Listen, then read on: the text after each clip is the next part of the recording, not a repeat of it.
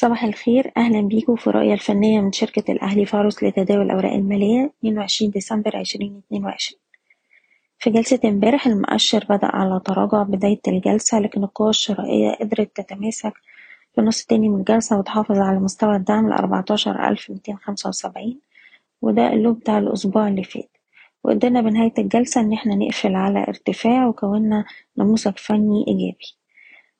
في نفس الوقت الأداء بتاع جلسة امبارح تزامن مع وصول كتير من الأسهم القيادية على رأسها التجاري الدولي لمستويات دعم مهمة قدرت الأسهم إن هي تقف عندها في جلسة امبارح.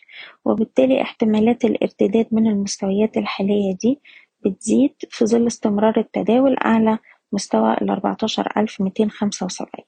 وفي الحالة دي هيبقى عندنا مستويات المقاومة التالية حوالين ألف وتمنمية ويلي مستوى ألف ومية. في الوقت الحالي بننصح الناس اللي محملة مارجن إن هي تخفف مراكز الشراء بالهامش مع الارتفاعات. والناس اللي عايزة تحتفظ تقدر ترفع مستوى حماية الأرباح للو بتاع الأسبوع اللي فات. بشكركم بتمنى لكم التوفيق.